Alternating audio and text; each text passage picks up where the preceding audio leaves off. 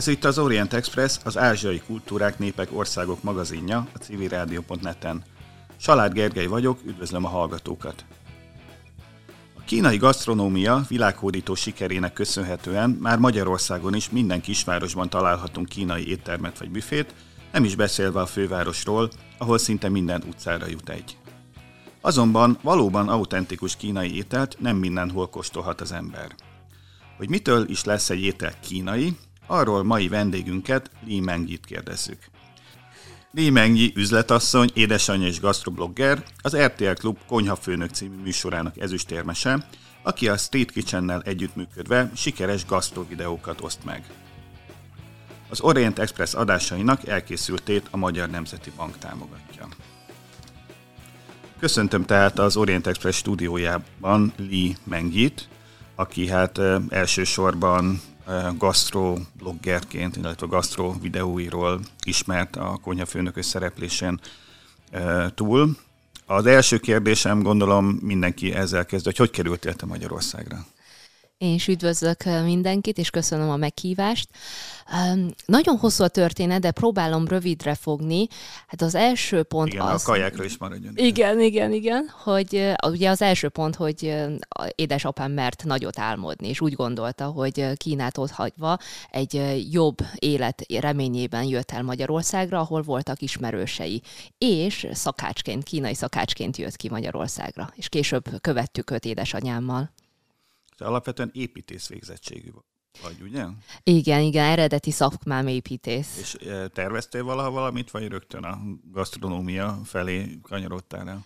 Sajnálatos módon az egyetem éveim alatt, majd gyakorlat közben, vagy gyakorlatomon is észrevettem, hogy én alapvetően nem nagyon szeretnék építész lenni, és ezt követően kezdtem inkább egy saját üzleti karriert építeni, és utána jött a gasztronómia.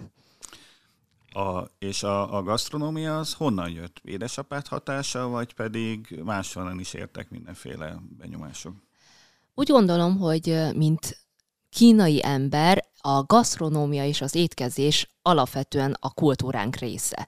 Nekünk minden az étkezésről szólt, akár egy születésnapozás, ünneplés, ha apukám kedveskedni akart, ha anyukám kedveskedni akart, akkor mindig étellel ajándékoztak meg, és e, szerintem ez mindig bennem is volt. Majd ugye az angol e, éveim alatt, amikor egyedül éltem, akkor ugye a kényszer miatt kellett saját magamnak főzni. És idővel ugye sokkal jobban tudtam gyakorlatban ezt e, megvalósítani, és szerettem is, mert szeretek enni, és imádom a különböző fűszereket és ételeket. És ugye nem csak kínait főzöl, hanem hát a legkülönbözőbb kultúrákban, gasztrokultúrákban már otthon vagy. Igen, mivel kilenc évesen jöttem Magyarországra, onnantól kezdve sokat utaztam a családommal is, és ismerkedtem különböző ország ételeivel, kultúrájával.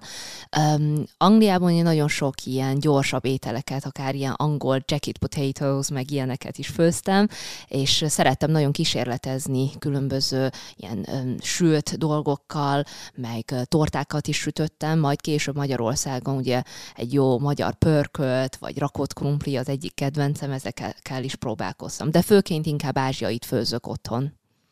Az az ötlet, hogy jelentkezzél a konyhafőnökbe, az honnan jött?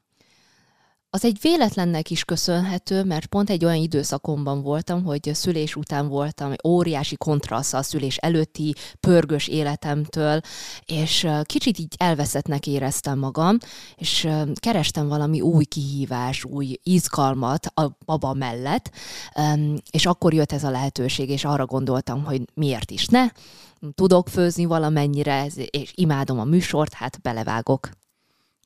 Te voltál az első kínai egyébként a, a, a műsorban, vagy általában így a, a magyar televíziós történetében így vangmestert leszámítva, te voltál az első, aki a, a kínai konyhát a tudomásod szerint így e, valamilyen módon megjelenítette? Tudom, hogy nem kínait főztél a, a konyhafőnökbe, de hogy e, mégiscsak vittél bele valami ázsiai beütést. Igen, igen. A, a, nem, nem tudom, hogy én voltam-e az első kínai, aki castingolt. Szerintem több évadnál is látszódott, hogy nemzetközileg jöttek jelentkezők. Talán én voltam az első, aki ilyen messzire jutott egy vers, a konyhafőnök versenyén. Úgy tudom, hogy tavaly évben volt egy vietnámi fiú, aki úgy szintén ázsiai vonalakban mozgott, de alapvetően minden kihívásnál igyekeztem hű maradni önmagamhoz, és azért belecsempészni néha kínai, ázsiai fűszereket kellett külön készülni a műsorra? Kíváncsi vagyok egy picit a, a, a kulisszatitkokra, tehát mm. onnantól fogva, hogy kiderült, hogy be fogsz kerülni, onnantól fogva elkezdtél a szakáskönyveket olvasni, vagy, vagy, vagy mit csináltál? Azt kell tudni, hogy a konyhafőnök castingjára én elég későn kerültem be, mert kicsit gondolkodtam is, későn is jött a lehetőség, ez egy nagyon sok időm nem volt a készülődésre. Természetesen egyből elkezdtem elolvasni a szaknyelveket, mert eddig nem tudtam, hogy mi az a julien, mi, hogyan kell ö, úgy vágni, meg ö, szuvidálni a dolgokat. Ezeket az alapokat megnéztem, amit tudtam, hogy a konyhafőnökhöz kell. Körülbelül, hogyha nettosítjuk az időt, akkor egy ilyen egyhetes felkészülésem volt. Ahhoz képest egész messzire e, jutottál, és egész e, sikeres lettél. A későbbi, úgymond gasztrok karrieredre milyen hatással volt ez a műsor? Én úgy indultam a versenynek, hogy én szeretném kipróbálni, találkozni a kedvenc séfeimmel, de soha, de soha nem gondoltam volna, hogy ezüst érelmig jutok. Um, ahogy, ahogy haladtam előre a versenye, akkor egyre magabiztosabb voltam, és gondoltam, hogy akár majd ezt a, a úgymond konyha főnökön keresztül szerzett ismerettségemet tudnám arra is hasznosítani, hogy terjesszem az ázsiai konyhát, és mivel láttam az emberekben az érdeklődést, nagyon-nagyon elkezdtem gondolkodni azon, hogy milyen platformokon tudnám ezt megmutatni. És végül is ugye a Street Kitchen-nel kötöttél ki? Igen, a Street Kitchen nagyon kedves volt, és felajánlotta ezt a lehetőséget. Egyből igent mondtam, hiszen tudtam, hogy ez egy óriási lehetőség gasztronómiai szempontból, és nagyon sokan figyelik ezt a csatornát online, YouTube-on és honlapon is, ahol meg tudom mutatni a receptjeimet, és kísérletezni akár új, új ételekkel. Ott ugye leggyakrabban ázsiai recepteket szoktál megosztani. Mi a tapasztalatod, hogy mennyire vevők a magyar emberek az ázsiai konyhára, meg a te saját ötleteidre? Amikor elkezdtük az együttműködést a Street Kitchen-nel, ez volt egy ilyen tudatosabb döntés, hogy én az ázsiai vonalat szeretném vinni. meglepődtem, én magam meglepődtem, a Street Kitchen profi csapata gondolom számított erre, mert ők ismerik a közönségüket. Én kicsit féltem az elején, hogy ezek a, a, a ritkább fűszerek, amit nem minden üzletben lehet beszerezni, mennyire fogadják be az emberek, viszont hogyha nézettséget nézzük és a kommenteket, akkor abszolút van fogadókétsége a, a közönségnek erre. Lehet tudni, hogy melyik volt az a recept, amire a legtöbben kattintottak? Igen, az egyik legnépszerűbb a pirított tészta, amit ugye a kínai éttermek, gyors éttermekből is ismeretes, a másik pedig a gombao csirke, ami ugye magyarul még magyaros csirkének is hívják. Ez a kettő top listám. Olyan pirított tésztát és olyan kungpao csirkét, amit Magyarországon a büfékben lehet kapni, olyat Kínában lehet enni, vagy ezek ilyen magyar találmányok? Ugye nyilván van pirított tészta Kínában, meg van kung pao csirke is, de mint hogyha nem teljesen ugyanolyanok lennének. Igen, az, be kell vallanom, hogy a pirított tészta receptemet a magyar pirító tészta szerint készítettem el, mert sokan kérték, hogy áruljam el a gyors éttermeknek a titkait, mert azok, azok a receptek ízlenek nekik, és igyekeztem ezt visszahozni nekik. Viszont a gombau csirke pedig teljesen olyan ízvilág és olyan fűszerekkel van összerakva, amit Kínában is lehet kapni. Na hát akkor nézzük meg, hogy hogyan néz ki ez a kínai konyha. Ez persze egy végtelen hosszúságú beszélgetés témája lehetne, de alapvetően hogyan mutatnád be a kínai konyhát, hogy milyen az a kínai konyha?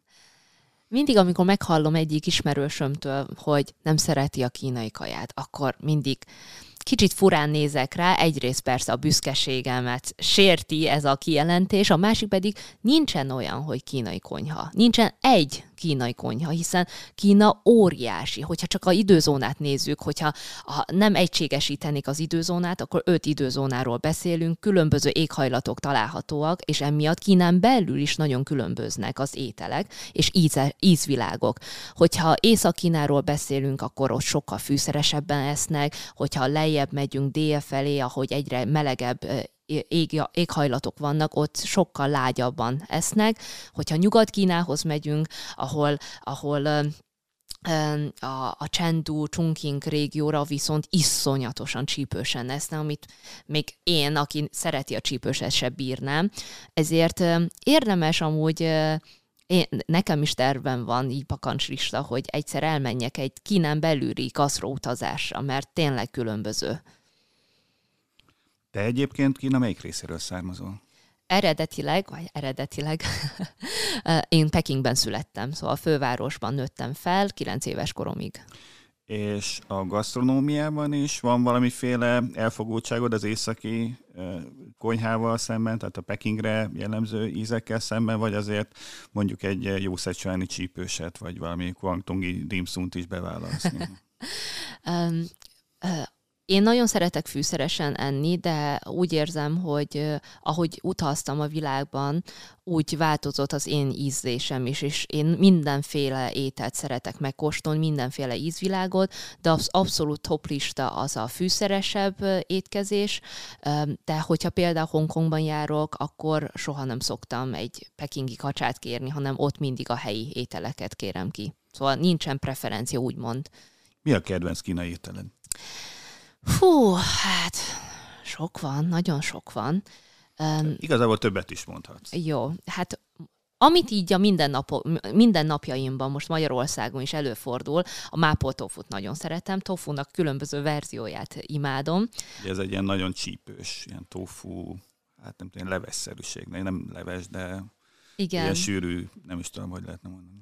Igen, ez egy, ugye van benne ilyen, ilyen hát, ilyen bab, van egy ilyen, ilyen, ilyen csilics szójabab, és benne van szecsuáni, is, szecsuáni bors is, jó adag mennyiségben, és ugye a sejmes tofuval vegyítve igazán ilyen ízorgiát ad az embernek, de emellett megint megint egy chungkingi specialitás, a, a, a chungkingi csilis hal, shuizhújú kínaiul, iszonyatosan nagy mennyiségű ilyen csilis levesben van benne, de nem a levét isszuk ilyenkor, vagy nem a levét esszük, hanem a halat belőle. Egy jó amúrral vagy pontjal is el lehet készíteni, az alján babcsírák, levelek, és ahogy eszed a halat, úgy csíp, utána lehet egy picit enyhíteni ezt a salátalevéllel és a babcsírával. Ez a híres zsibbasztó csípős, a mála? Igen, igen, amit uh, itthon ugye szecsványi borsként ismeri, de Isten igazából, hogyha elmegyünk egy um, Chungkingba vagy Chengduba, akkor látni, hogy azért nagyon sok fajtája van a szecsuányi borsnak, és van a sima szecsuányi bors, amit a wokhoz használunk, meg van a zsibbasztó, úgy szoktam hívni, zsibbasztó bors. Néha barátnőimmel szoktam viccelődni is, hogy ez egy ilyen természetes botox hatást ad a szádnak, mert megeszed, és úgy érzed, így földagad egy kicsit a szád. 轰轰烈烈的沦陷，换前某一每一天，沸腾的心跳热血。 铁拳缠绵每一夜，我们的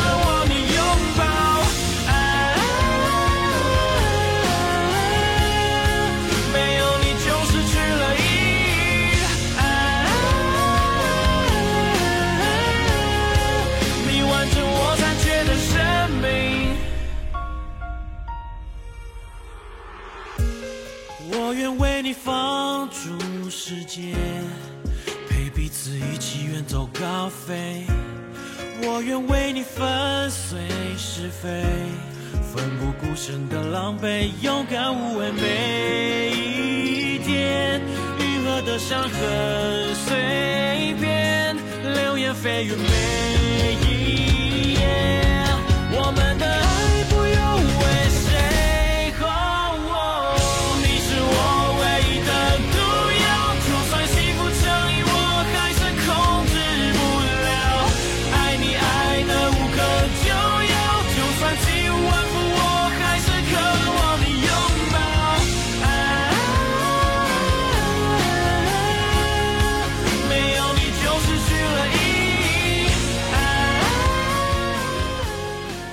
Ez itt továbbra is az Orient Express, mai vendégünk Li Mengyi, gastroblogger, üzletasszony, édesanyja, akivel a kínai konyháról beszélgetünk, és pont itt a zeneszünetben beszéltük, hogy mind a ketten megéheztünk. A utolsó mondatában az előző blokknak a, a szecsuáni bors szerepelt, amiről említetted, hogy nem csak egyfajta van belőle, és ezért ez általában az többi kínai fűszer is jellemző. Milyen fűszereket szokott használni a, mondjuk ilyen mindennapi életben a kínai konyha, mert azért ott is ugye jelentős különbség van az ilyen ünnepi fogások, a reprezentatív étkezések fogásai, meg mondjuk a mindennapi reggeli ebéd vacsora során fogyasztott ételek között. Igen, a, a kínai konyhának vannak néhány, néhány alapfűszereit, amit én is mindig tárolok otthon. Ugye ezek közül található a gyömbér, az újhagyma, a szecsuányi bors, a csillagánis, kínai fahéj. Ezek mindig vannak a konyhámban. Egy vokos ételhez például mindig a, úgy szoktam kezdeni a vokos főzés, hogy az olajat szoktam illatosítani. Úgy szoktuk mondani, hogy illatosítjuk az olajat, ahhoz pedig nem másra van szükségünk, mint szecsuányi borsra, gyömbére, újhagymára és valamennyi darált húsra. És ezzel beillatosítjuk az olajat, és ez szolgálja nagyon sok vokos ételnek az alapját olyan nagyon különleges fűszereket itthon nem is lehet kapni, most próbálok gondolkodni azon, hogy milyen fűszerek, de az én főztőimben jelenleg Magyarországon nem is szenvedek hiányt, mert amit készítek, ott ugye tényleg, amit mondtam, hogy a kínai fahéttől kezdve babérlevél, mm, ezek a fűszerek mind megtalálhatóak itthon. És milyen alapanyagokat használ a kínai konyha? Tudom, hogy ez is hülye kérdés, mert hát nem egy kínai konyha van, meg nyilván teljesen mást használnak mondjuk, nem tudom, Futyienben, meg Pekingben, de azért a, a, a főbb összetevő, tehát a főbb, alap, főbb alapanyagok az egyes régiókban azok mik? Igen.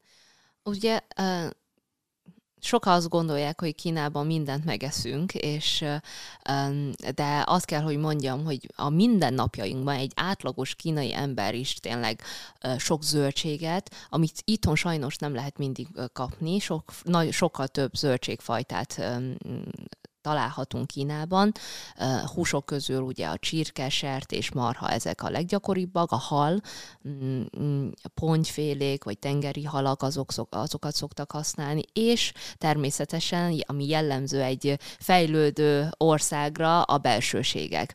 Mert arra emlékszem, hogy amikor kicsi voltam, ovis koromban, akkor ovi után édesapám a nyakába vett, és elmentünk egy night marketra, egy ilyen, ilyen utcai étkezdébe, és nekem a kedvenc ételem egy pekingi leves volt, ami bárány belsőségekből állt. szóval ezektől nem írtózunk. Ugye az éghajlatnak is köszönhetően a tengermenti, tengerpartmenti városokban sokkal több tengergyümölcseit esznek, északon hús, húsféléket eszünk, és a hegyekben, ahol sokkal logisztikailag is nehezebb megvalósítani az ételszállítást, akkor ott sokkal több ilyen belsőség kisebbségeket is találunk. De persze vannak azt kell tudni, ugye 55 kisebbségi népcsoport is van Kínában, ezért minden népcsoportnak vannak, vannak saját jellegzetességei. Sőt, ha elmegyünk északra, akár így az újkur tibeti régiókra, akkor ott, ott ugye nagyon ilyen ilyen közép, közép-kelet-ázsiai országbeli ételeket is találunk. Mi volt a legexotikusabb növény vagy állat, amit ettél? Így magyar szempontból exotikus, mert nyilván kínai szempontból teljesen más lenne.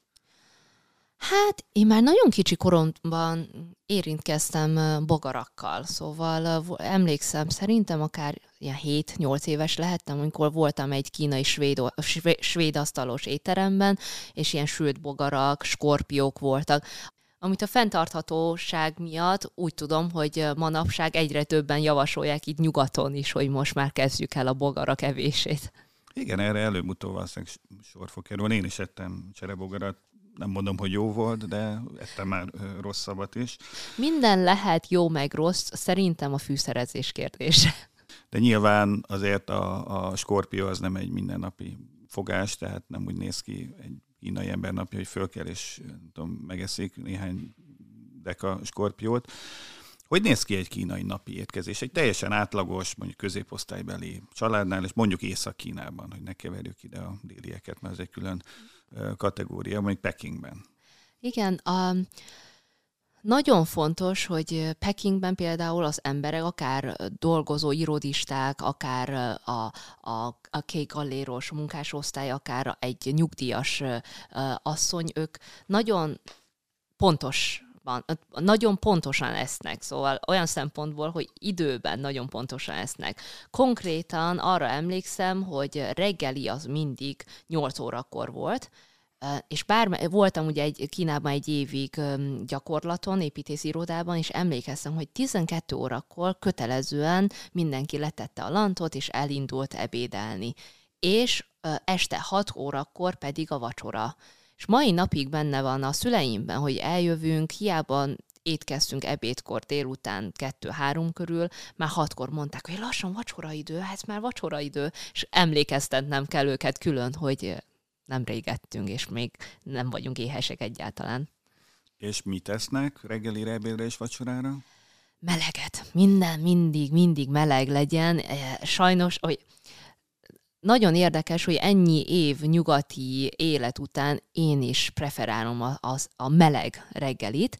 Ez lehet akár egy pohár meleg tej, egy föld tojással, akkor Pekingben van egy jellegzetes ilyen palacsinta, tiembingnak hívják, ami palacsinta, ropogos van rajta, um, ilyen szezám, hagyma is. Hagyma, um, tojás, és akkor szezámmag, és akkor összecsomagolják, és ez útközben is lehet enni, metron is munkába menet, vagy szoktunk kínai porridge, ami egy rizskása, az pedig ilyen sós zöldségekkel szoktunk, ezek mind ilyen meleg, tipikus meleg reggelik, vagy egy bao, egy húsos táska, egy ilyen kerek húsos táska, az is nagyon szerves része a reggelinknek. Aztán ebédkor egy jó vokkos étel, lehet zöldség, lehet. Vannak Kínában ilyen set menük is, mint itthon is szokott lenni. Ez általában egy főt rizsből áll, és egy vokkos étel lesz. Akár lehet marha húsos, sertés hús, vagy lehet csak sima zöldséges is és úgy szintén vacsorakor általában otthon főznek valamit, itt az is meleg szokott lenni, és az is vokkos étel, néha egy kis leves is mellé, de mind a három étkezésnél nagyon-nagyon a meleget szeretjük. Az mennyire igaz, hogy rizsnek mindenképpen lennie kell? Ez csak Dél-Kínára igaz, vagy Észak-Kínában is most már nem tudnak meglenni rizs nélkül? Továbbra is jellemző, hogy Észak-Kínában inkább ugye a lisztféle gombócok, ezeket a, a kínai kenyereket eszik, délen pedig rizs, de mivel most persze pont Pekingről beszélve annyira mm, sok ember van, és annyi mm, égtájról jönnek az emberek, ezért nagyon sok rizst is leszünk. Én, én személy szerint sokkal rizs, rizsesebb vagyok, mint gombócos.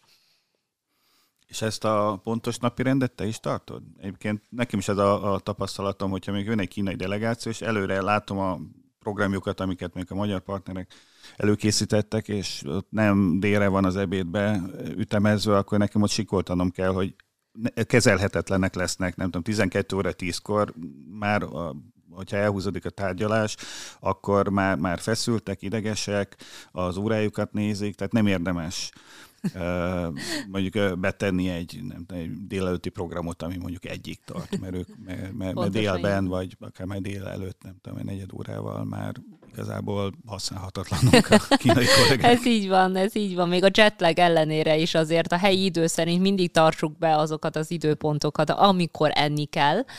Um, én, én ilyen szempontból már európaiasodtam, mert hogy én hát munkámból adódva is sem tudok mindig pontosan enni, ami tudom, hogy nem egészséges, de ö, olyan szempontból viszont igen, hogy reggelire, hogyha tudok, akkor melegételt eszem.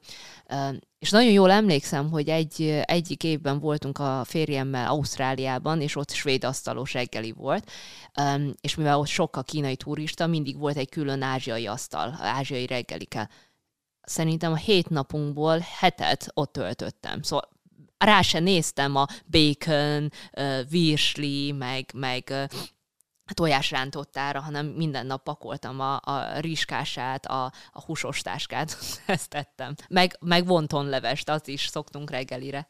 A főétkezések között vannak azért ilyen kis uzsonna, tíz órai nassolás? És itt nem a, mondjuk a McDonald's-ra, meg az egyéb ilyen globalizációnak köszönhető behatásokra vagyok most igazából kíváncsi, hanem a, a eredeti, úgymond eredeti kínai kultúrában mennyi volt benne az, hogy csak úgy eszünk, nem a, a főétkezés kedvéért. Uh-huh. Az én tapasztalatom szerint nem nagyon vannak nasolások, viszont ez emberfüggő. Um, ugye sok, ott is nagyon tipikusan a, a dolgozó női réteg az, a, a, amin látom az, hogy szeretik egy kis ilyen kis szárított gyümölcs, szárított um, zöldség chipseket, persze vannak egzotikus, ugye a, a, a csilis csirkelábak, kacsanyelvek, ami ugye vákumcsomagolva vannak, mint nasik, azokat szoktak néha, meg este a vacsora után régen az unoka testvéremmel is szoktunk, így még a, nézzük az esti sorozatot, akkor szoktunk még ilyen csilis, vannak ilyen inak, ilyen inak, és különböző ilyen Hát sok ilyen belsőségből készült nasok, nasik vannak, amit itthon azért nem lehet kapni. Meg hát ugye vannak az éjszakai piacok, az is tulajdonképpen egyfajta nassolásra szolgál. Ugye említetted, hogy Pekingben gondolom a Wang Futingi éjszakai piacra mentél. Igen, pontosan oda mentem, igen, igen. És akkoriban még a teljesen nyílt utcán volt, most ugye már sokkal kultúráltabb, egy higiéniai szempontból is elfogadottabb rendszer alakult ki, de hát én azt nem hívnám nasolásnak, az is egyfajta időtöltés. Amíg valaki moziba megy, mi elmegyünk enni. szóval kávé így lehet felfogni ezt.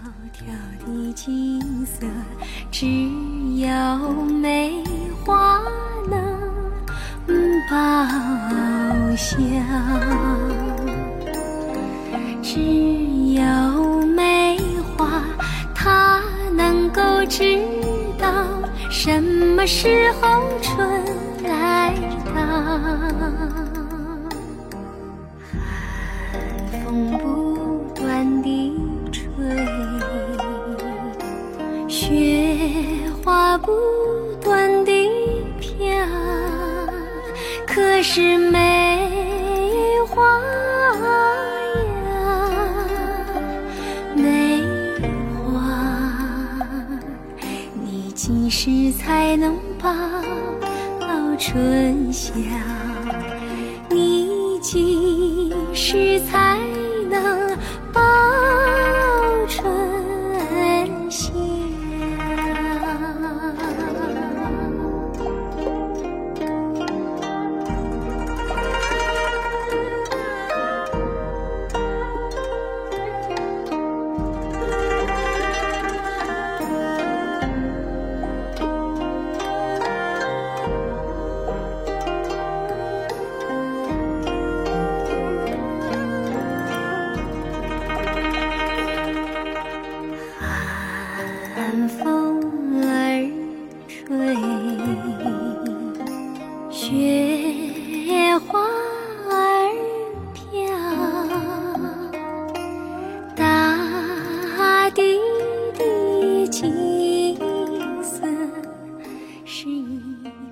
？Ez itt továbbra is az Orient Express, mai vendégünk Li Mengyi üzletasszony, édesanyja, gastroblogger, akivel a kínai konyha rejtelmeiről beszélgetünk.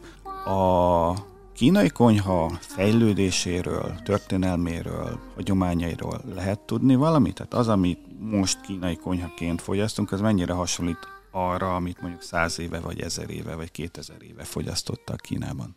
Ez egy nagyon összetett kérdés. Úgy érted, hogy amit most fogyasztunk Magyarországon, vagy nem, amit nem, fogyasztunk amit, Kínában? Amit Kínában. Igen. Majd Magyarországról külön lesz szó, azt a következő blokkra szánom, hogy ezért tegyük tisztába, hogy Magyarországon mi a helyzet, és mi az, ami kínai, mi az, ami nem annyira kínai, de most térjünk vissza Kínába. Igen. A kínai gasztronómia, vagyis a gasztrokultúra nagyon-nagyon szépen tükrözi a gazdasági változásokat és a fejlődéseket is. Most nem térnénk már ki a nagyon régi idő, a császári korszakra, ahol voltak Castro fénykorok, amikor egy-egy császárnak sokkal fontosabb volt az étel, akkor azért egy császárnak az étkezése, egy étkezése ugye volt 20-30 féle fogás. Nem is térnék ki arra, mert a kínai gasztrokultúra változásához nem is kell olyan messzire visszanyúlnunk, hiszen ugye a kínai gazdasági változás is az elmúlt 30 röpke évben nőtt rohamosan meg, mert hogyha 70-es években térünk csak vissza, ahol még már nagymamám élt, ő szokta mesélni, hogy akkoriban az étel alapvetően egy kuriózum volt. Kellettek jegyek ahhoz, hogy tudjanak ételeket kiváltani, és hogyha volt munkád, egy jó munkád, jó fizető munkád, akkor kaptál több ételt. Szóval a, abban a korszakban az étkezés inkább funkcionális volt, hogy egyáltalán jól lakjunk. Majd a 80-as években és 90-es években, ahogy elkezdődtek a, a, a fejlődések, ugye akkor elkezdődött egy bőség megnyilvánulni, és Sőt, még amikor én kicsi voltam, még akkor sem mondanám azt, hogy ott már bőségesen úgy étkeztünk, hogy minden elérhető volt. Szoktam mesélni viccesen, hogy amikor jó jegyet kaptam, akkor a szüleim például elvittek egy sült csirkecomboshoz, mert hogy na, az volt a jutalmam, hogy fú, most egy olyat eszünk, amit, amit általában nem kerül az asztalra. Nagyon emlékezetes az, amikor mm, a tömbházakban a tél beköszönte előtt, akkor káp, kínai Káposzta. kellekkel, káposztákkal pakolták teli a, a, a lépcsőházat. A lépcsőfordulók ablakaiban csak káposztát és kínai kelt lehetett kapni, mert ugye lehetett látni, hiszen azok tartós zöldségek, és nem volt elérhető nagyon sok zöldség Kínában, ezért azokra, azokat tárolták. Sőt, még most, hogy a mai nappal is, hogyha elmegyünk ilyen régiesebb kínai tömbházakba, akkor még mindig vannak idős generációk, akik ebben hisznek, mert annyira megszokták ezt. ezt. Majd ugye beléptünk a modern korban, az elmúlt uh, ilyen 10-20 évben, amikor már a funkcionális evés az már felváltotta a minőségi alapanyagok, és minő, egyre nagyobb igénye volt az embereknek arra, hogy élvezettel legyenek, és élvezetből legyenek, és uh, ami átbillent amúgy egy picit így az elmúlt tíz évben már egy kicsit a, a, a ló másik oldal, oldalára, mert már a politikailag is bevezették, hogy ne pazaroljunk, mert hát annyi, a, olyan bőség volt már, hogy, hogy túl, túl, túlfőztük magunkat, és sok ételt ki is dobtunk. Szóval, hogy azt kell mondjam, hogy akik most például Kínába ellátogatnak, az például az 30 év ezelőtt, vagy akár, hogyha 20 év ezelőtt megyünk vissza, akkor is teljesen más volt. Sokkal minőségibb alapanyagokból főznek, sokkal higiénikusabb környezetben. Azért hozzáteszem, aki először jár Kínában, azért egy utcabeli kis kínai étterembe azért nem mennék el. Még... Még azok a legjobbak, én szeretem. Hát igen, hogyha van elég széntabletta nálad, akkor... Hát azt pakol az ember. Hát még én, én magam is kaptam már ételemérgezést egy jó kis báránysasliktól, amit unokatestvéremmel együtt fogyasztottunk, neki semmi baja nem lett, én meg másnap ájultan feküdtem a, a kórházban infúzióval, szóval azért erre vigyázni kell fokozatosan, de alapvetően most... Ilyen a Balatonon is megtörténhet. Tényleg? Velem nem? De Kínában most már ugye sokkal ritkább ételeket, de nem olyan szempontból, hogy fejlődő ország vagy ilyesmi, hanem például megeszünk egy tengeri uborkát, van az a hal, a menjű, az Én a, tudom. a bálok, azt hiszem, az a neve, valami ilyesmi. De nem, tehát Magyarországon nagyon kevés halat eszünk, és ezért nagyon sok mindennek még nincs is magyar neve, igen. vagy hogyha van, akkor se ismerjük. Igen, igen, igen, de hogy sok fajta tengeri halat eszünk, és most már észreveszem, hogy vannak nagyon-nagyon elegáns kínai éttermek, ahol már nem a hagyományosan körasztalos közösségi evés van, hanem kis tányérokban szervíroznak külön-külön, amit én személy szerint nem támogatok, mert én imádom azt a közösségi hangulatot. Amikor először Magyarországra jöttem, nekem ez volt a furcsa, hogy olyan csendesen fogya esznek az éttermekben, amikor nekem az étkezés egy olyan közösségi időtöltés, egy olyan érzelmi, ilyen érzelemdús dolog, hogy, hogy nem, nem arra szeretnék ügyelni, hogy a, a villám a tányért ne érje, hanem az, hogy milyen ízletesek az ételek, és hogy, hogy eszem együtt az emberekkel a, a, a kajákat. De Kínában is amúgy vannak ilyen éttermek, és vannak ilyen, a, a, azért többször inkább a hagyományos módon eszünk, de az alapanyag és a főzés higiéniai szempontból nagyon nagyot változott Kína. Ha már felhoztad ezt a kerekasztalos nagy közösségi étkezést, beszéljünk egy picit a étkezési szokásokról, tehát nem magukról az ételekről, hanem hogy hogyan esznek a kínaiak, és akkor most ne ezt a funkcionális részét nézzük, hogy az ember nem tudom, a gyárba elmegy a kantinba, és hogy gyorsan benyomja, a, amit benyom, hanem egy ilyen mondjuk egy ilyen baráti társaságnak, vagy egy családnak egy közös éttermi vacsoráján, vagy ebédjén. Mik a szokások? Tehát mi az, amiben nagyon eltérnek az ottani gyakorlatok, szokások mondjuk egy, egy hasonló magyar eseménytől? Um, Először is, amikor rendelünk, vagy amikor főzünk otthon vendégeknek, vagy családtagoknak is, mindig ügyelünk arra, hogy milyen alapanyagok kerüljenek az asztalra. Nagyon fontos számunkra a, az ételeknek a változatossága, hogy legyen um, zöldség, legyen hús, legyen hal, legyen leves. Szóval ezek, ezeknek a kombinációja adja a rendelésnek a, a lelkét. Um, bármennyire is változott és modernizálódott a kínai kultúra, azért benne van, a, a kínai kultúra, azért bennünk van az, hogy a, a, az étkezésnél mindig ügyeljünk a, az egészségünkre. Ezért nem eltérően, mint a férjem vagy anyósom esetében, ők imádják a húst hússal lenni. Nálunk azért egy hagyományos kínai étkezésnél azért mindig ügyelünk arra, hogy legyen... Férjed ugye magyar, tehát Igen, igen, a férjem magyar, igen. Igen, és a, a, ügyelünk arra, hogy nagyon sokfajta zöldség legyen, legyen egy csirke, egy kacsa, legyen egy hal, és legyen valamennyire leves is, és ugye mi nem úgy szoktunk enni, hogy előételként leves, utána főétel, hanem mindent felszolgálnak, sőt, Kínában, hogyha elmegyünk étterembe, akkor rizs szolgálják fel legutoljára, mert a, amikor mondjuk, ha egy kis alkohol is jár, a, a, alkohol is szeretnénk fogyasztani, akkor úgy szoktunk, hogy a kínai rizspálinkát isszuk, és közben eszegetjük az a hideg, meleg ételeket, vagy salátákat és meleg ételeket, és a legvégén úgymond a rizssel szoktuk tisztítani a, a, a, a gyomrunkat, és azt a legvégén szoktuk. Szóval, hogyha Kínában jártok, akkor, akkor külön kell kérni, hogy a rizst hozzák már előre. És a leves is a vége fele szokott jönni, nem? Igen, igen, mert nálunk nem tabu, hogy a levest egyrészt sokszor ugye mindennapokban, ugye a hagyományos kínai kultúrában leves mi se isszuk, de azért mindennapi emberekben nekünk nem mm, ilyen sérti a nagy etikettet, hogyha isszuk a levest, és sokszor szoktunk úgy a levest a rizssel is összekeverve enni, nincsen meg konkrétan, hogy mikor, amikor jól esik, amikor már kicsit száraznak érezted a, a rizst, vagy az ételt, vagy túlcsípős, akkor lehet úgymond egy kis lágyabb levest tenni mellé. Mi az, amit mondjuk egy magyar étkezésnél szabad csinálni, és Kínában nem, illetve fordítva, amit Kínában szabad csinálni, és magyar étkezésnél nem? Mm, ez a üzleti etikett ilyen tréningen szoktam mesélni, hogy ugye, hogyha mondjuk üzleti vacsora van, akkor nagyon ügyeljünk a hierarchiára. Kínában nem csak a munka, nem csak az üzleti életben, hanem ugye a családban is a, a családi hierarchia nagyon fontos.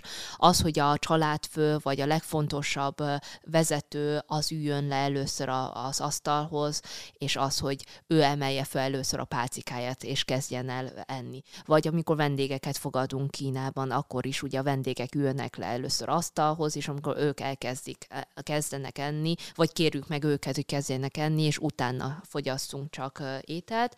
Valamint a pálcika használatnál kell arra ügyelnünk, hogy a, azt ne szúrjuk be a rizsbe. Mert ennek van egy babon, hát egy ilyen, ilyen metaforikus jelentése, mert hogy Kínában, amikor tisztelgünk a, a, az elhunytak felé, akkor szoktunk füstölőket szúrni ételekbe, mert ugye, ugye temetőkbe is ételt viszünk. és és azzal, hogyha pálcikát beleszúrjuk a rizsbe, akkor kb. egy ilyen, ilyen jelentéssel bír, ami elég babonai szempont, babona, babona szempontjából nem annyira szerencsés. Valamint, hogyha kocintunk a, a feletesünkkel, vagy a, vagy a nálunk idősebb generációval, akkor, akkor ne a poharunk ne az ő pohara fölé, vagy egyenrangú, hanem a pohara alá szoktunk kocintani, megmutatva azt, hogy mennyire tiszteljük őket. És ezeken kívül tulajdonképpen minden szabad egy kínai étkezésnél. Ugye? Igen, a böfögés nem, mert tudom, hogy némelyik ázsiai kultúránál a böfögéssel jelezzük azt, hogy finom volt az étel, de hogy Kínában a, a böfögést azt, azt még nem szokták tolerálni.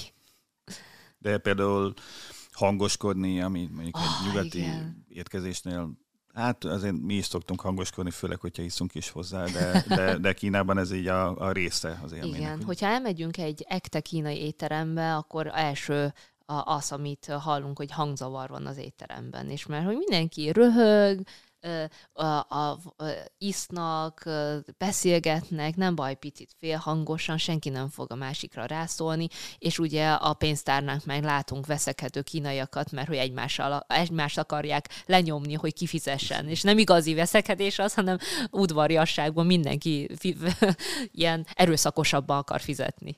Ez most, most is jellemző? Tehát ez a, a Dutch Pay, ez, ez még ugye most se jelent meg Kínában, hogy mindenki a saját maga fogyasztását fizeti, hanem mindig valaki fizeti az egész szekket, aztán majd legközelebb valaki más. Igen, a fiatalabb generációnál, a, a, ugye a ilyen gimnazisták vagy egy, egyetemistáknál szokták ezt a kifejezést használni, hogy AH. Ez a AH az, hogy AA rendszer, ami azt jelenti, hogy az étkezés elején már mindenki elmondja, hogy akkor ezt így fogjuk fogyasztani, és akkor természetesen ilyenkor is egy ember fizet, csak akkor applikáción keresztül mindenki átutalja neki, de az idősebb generáció, vagy üzleti, vagy akár egy rendezvúnál, vagy bármi ilyen, ilyen hivatalosabb gyülekezésnél ott abszolút nem, nem jellemző.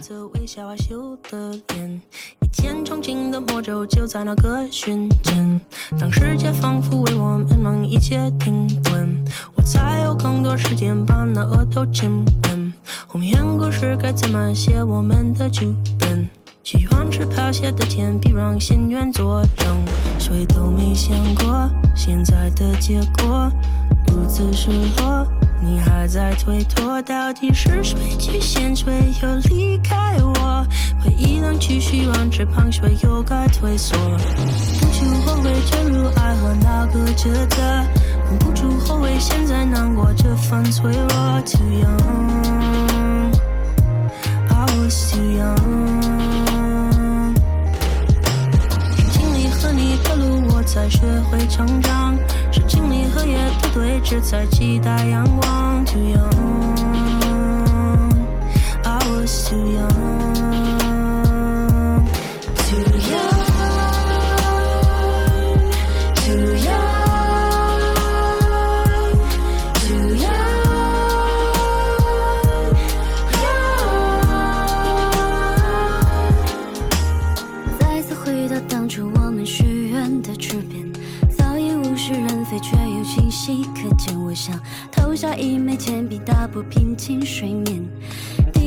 滴答滴答，是眼泪还是时？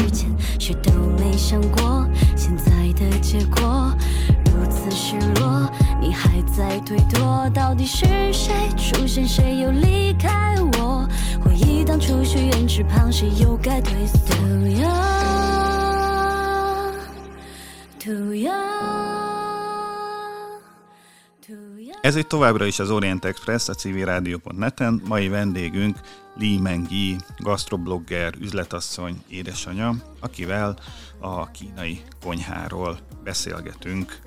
Méghozzá a műsor utolsó blokkjában a kínai konyha magyarországi jelenlétét szeretném egy picit uh, körbe járni. Hogyha az ember elmegy egy ilyen kínai büfébe, kifejezetten büfékről beszélek, tehát nem éttermekről, és ott rendel bármit, ott ugye van egy ilyen generál szósz, ilyen furcsálagú valami, és, és hogyha elmegy Kínában egy hasonló büfébe, akkor azért rájön arra, hogy amit itt Magyarországon evett, az, az nem biztos, hogy echte, igazi kínai kaja volt. Sőt, szerintem sokat mond az, hogyha azt mondom neked, hogy 9 évesen jöttem ugye Magyarországra, és 25 éves koromig nem ettem kínai gyors étteremben, gyors büfében. Ugye annak is köszönhető, hogy nekünk 10 évig volt éttermünk Komáromban, de azért ezek a, a gyors értelmi büfék azért egy kicsit át van alakítva. Mindennek az alapja egy eredeti kínai recept, viszont át van alakítva egy kicsit az európai ízésvilágra, meg az alapanyagokra, hogy, hogy tartani tudják az árat, próbálnak nem túl ritka alapanyagokkal dolgozni. Lehet azért autentikus kínai kajákat kapni? Abszolút, abszolút. Főként az, a Budapesten lehet szerintem ezekbe a, ezeket az étterem, éttermeket megtalálni, ahol több kínai negyed is van. Ugye a kőbánya környéke, és nagyon so, szeretettel szoktunk oda menni a férjemmel, családommal, amikor nincs kedvünk főzni. Ott vannak a kínai szupermarketek is, ahol szoktam a kínai fűszereket vásárolni, és egyre több van, azt kell, hogy mondjam, meg ugye most megjelent Budapesten a kínai night market, ez az utcai, amit úgy tudom, hogy május 1-én nyit. Persze nem reklámozom, de azért ez... Lehet ez... reklámozni, mert ugye nem egy céget reklámozni. Egyébként azt is lehet a podcastekre, nem vonatkozik a médiatörvény, meg az internetes Igen? rádiókra. Hashtag reklám. nem nagyon szoktunk reklámozni, de itt ugye egy kulturálisan is érdekes jelenségről van szó, hogy kint a Jegenye utca környékén. Igen, igen. Ott a, a Monori Centernél egy, egy ilyen éjszakai egy ilyen, ilyen nagy sátrat, tulajdonképpen nagy ilyen sört sátrat. állítanak fel, amiben nem sört adnak, azt is adnak egyébként, hanem e, ilyen autentikus kínai, hát ilyen, ilyen utcai kaját, Igen, ilyen igen, és ott nem csak az ételt, ott nem csak az ételt esszük, hanem azt a hangulatot vesszük át, ami nagyon közelít az ázsi. Nem, nem mondom, hogy csak kínai, mert hogy ilyen Malajziában, Tájföldön mind vannak, és nagyon közelít arra a hangulat, hogy műanyag székek, asztalok, nem arra ügyelünk, hogy hogy áll a villa vagy a kés, hanem leülünk, minden bódéból tudunk egy kicsit vásárolni, és akkor a, a, egy asztalt kiválasztva sörözzünk és beszélgetünk a haverokkal.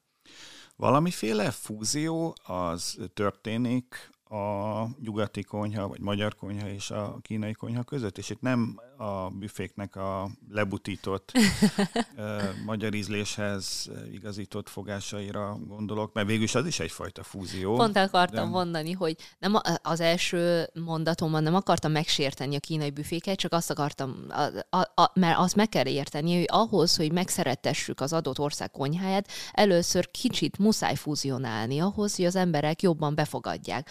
Hogyha először úgy, úgy jött volna, nem tudom ki volt az, aki megnyitotta az Magyarország első kínai büféjét, és úgy jött volna, hogy na, én csak is a kínai eredeti fűszerekből főzök, lehet, hogy a mai napon nem futna be ennyire.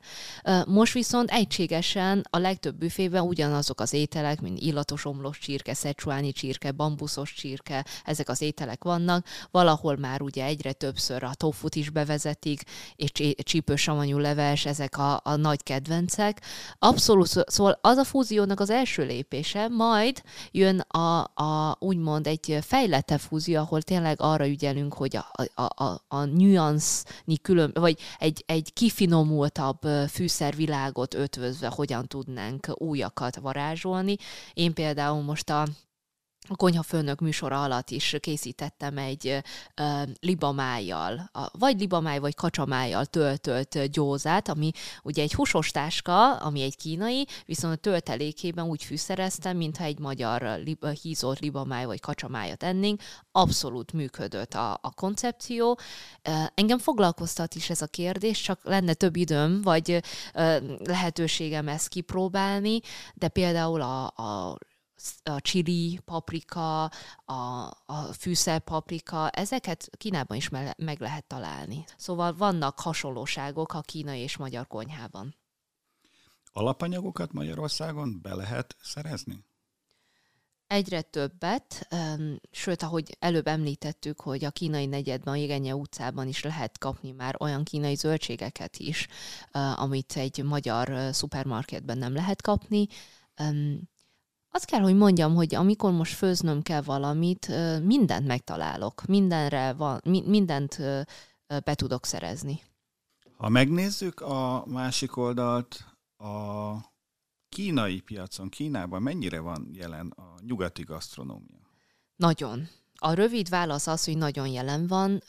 Ugye Kína már megint ugye, amikor, amióta megnyílt Kína, most már közel, hát több mint 30 éve, egyre jobban befogadják a, a nyugati brendeket és konyhát. Amikor kicsi voltam, emlékszem arra, hogy egy iszonyatosan nagy hírt vert a Pizza Hutnak az érkezése. Imádta, imádtuk, és persze csak ünnepnapokon tudtunk elmenni Pizza Hutba, majd ugye előtte már bejött a McDonald's, a KFC, ezek ugye a, a gyorsétermi láncok, de most már egyre több konyha hirdeti magát, francia konyha, francia séfekkel, vagy ki, a Franciaországban tanult kínai séfekkel, olasz konyha nagyon népszerű, pizzák nagyon népszerűek, hamburgerek, ugye amerikai konyha, a ezek nagyon népszerűek, viszont mondjuk különbséget tesznek a kínaiak is, ugye a nyugati gyors étterem és egy elegáns étterem között. Az átlagos embereknek inkább a gyors éttermi vonal az, ami még mindennapibb, de ami már ilyen, akár egy ilyen Michelin csillagos közeli ilyen gasztronómia, ott már inkább a, a közép felső, vagy ott már inkább a, az aranygalérosok, fehér gallérosok mennek, és ott, ott ugye meg is kóstolják a, a, az nagyon high-end e, nyugati konyhát is. Tehát azért valamilyen módon akár a gyors éttermek révén a mindennapi étkezési kultúrának is része lett? Tehát mondjuk egy nem tudom, egy Big Mac menü, az kivált egy, étke, egy komplet étkezést eh, egy kínai ember számára, vagy inkább az van, hogy elmegyünk, mert nem tudom, trendi, nyugati, eszünk, iszunk valamit, de azért hazamegyünk és gyorsan lecsapatjuk egy kis édes savanyú sertéssel. Azért már eltelt annyi idő, hogy most már annyira beépült a, a, a, egy gyors éttermi lánc, a McDonald's KFC, hogy akár a 80 éves nagymamám is megkívánja ebédre, és ő rendel egyet házhoz. De az nagyon érdekes megfigyelni, hogy az ottani nyugati brendek, éttermi brendek mindig beletesznek ázsiai elemeket például nekünk volt egy ilyen fekete bors szószal ellátott ilyen krumpli püré, püré amit kiskorom óta imádok. De a kilenc éves korom óta, ugye amióta eljöttem, nem kapok ilyet a, a, a magyar McDonald'sokban, sőt, Angliában sem láttam. Um, de amúgy utóbbi időben felfedeztem, hogy hogyan kell összekészíteni, szóval most már otthon is el tudom készíteni, de például a Mac reggeli és KFC reggeli, vagy egy Burger King reggelinél szokott rizskása lenni. Ez ugye elképzelhetetlen, hogy itthon legyen. Szóval ők is valamennyire integrálják a helyi kultúrát a saját menükhöz, de egy Big Mac, egy McFish vagy McChicken, ezek abszolút szolgálhatnak egy teljes étkezés egy kínai átlagos embernek is. Jó, azért mégse a McDonald's-ra fejezzük be ezt a beszélgetést, viszont be kell fejeznünk, mert hamarosan lejár az időnk. Ha egy ételt vagy receptet tudnál javasolni egy olyan hallgatónak, aki most kezd csak ismerkedni a kínai, vagy általában az ázsiai konyhával, vagy konyhákkal, tehát még nem rutinos, vok rázogató, akkor, akkor mit javasolna, hogy mivel kezdje az ázsiai kalandjait, gasztrokalandjait? Hát a Visszatérve a korábbi témánkhoz, talán a pirító tészta lenne az egyik legegyszerűbb, és nem annyira sok alapanyagot igényel. Majd mehet következőnek a gombau csirke, elmehet egy, akár egy ázsiai vonalba a fóleves, ahol már iszonyatosan nagy mennyiségű fűszert kell használni ezeket ajánlom első körben. És ezeket ugye a Street Kitchen-en lévő hát mi ez, al- aloldal, vagy sorozatodban is meg lehet, tehát ott, ott meg, meg, megtanítod Igen. az embereket, Igen, a hogy hogyan Street kell ezeket elkép, elkészíteni. Igen, a Street kitchen a YouTube csatornáján, hogyha beírja a nevemet, akkor, akkor látni fog nagyon sok receptet, és mindig a videó alatt ott van az írót recept is, szóval abszolút mindent meg fog találni, de hogyha megakad, én mindig azt mondom, hogy itt vagyok, Instagramon vagy Facebookon is elér, ha rám ír, én mindig. Szerencsére azért nagyon, nagyon sok üzenet nincsen, szóval tudok válaszolni általában a kérdésekre. Érez, én is tudom tanús- tanúsítani, mert így találtalak meg. A epizód leírásba is betesszük a linkeket természetesen. És nagyon szépen köszönjük Lee Menginek, hogy elfogadta a meghívásunkat, és köszönjük a hallgatóknak a figyelmet, valamint a Magyar Nemzeti Banknak a támogatást. Önök az Orient Express, a civilrádió.net ázsiai magazinját hallották, a műsort Salád Gergely vezette. Felhívjuk figyelmüket, hogy az Orient Express adásai nem csak a civilrádió.net-en hallgathatók, hanem podcastként az interneten is.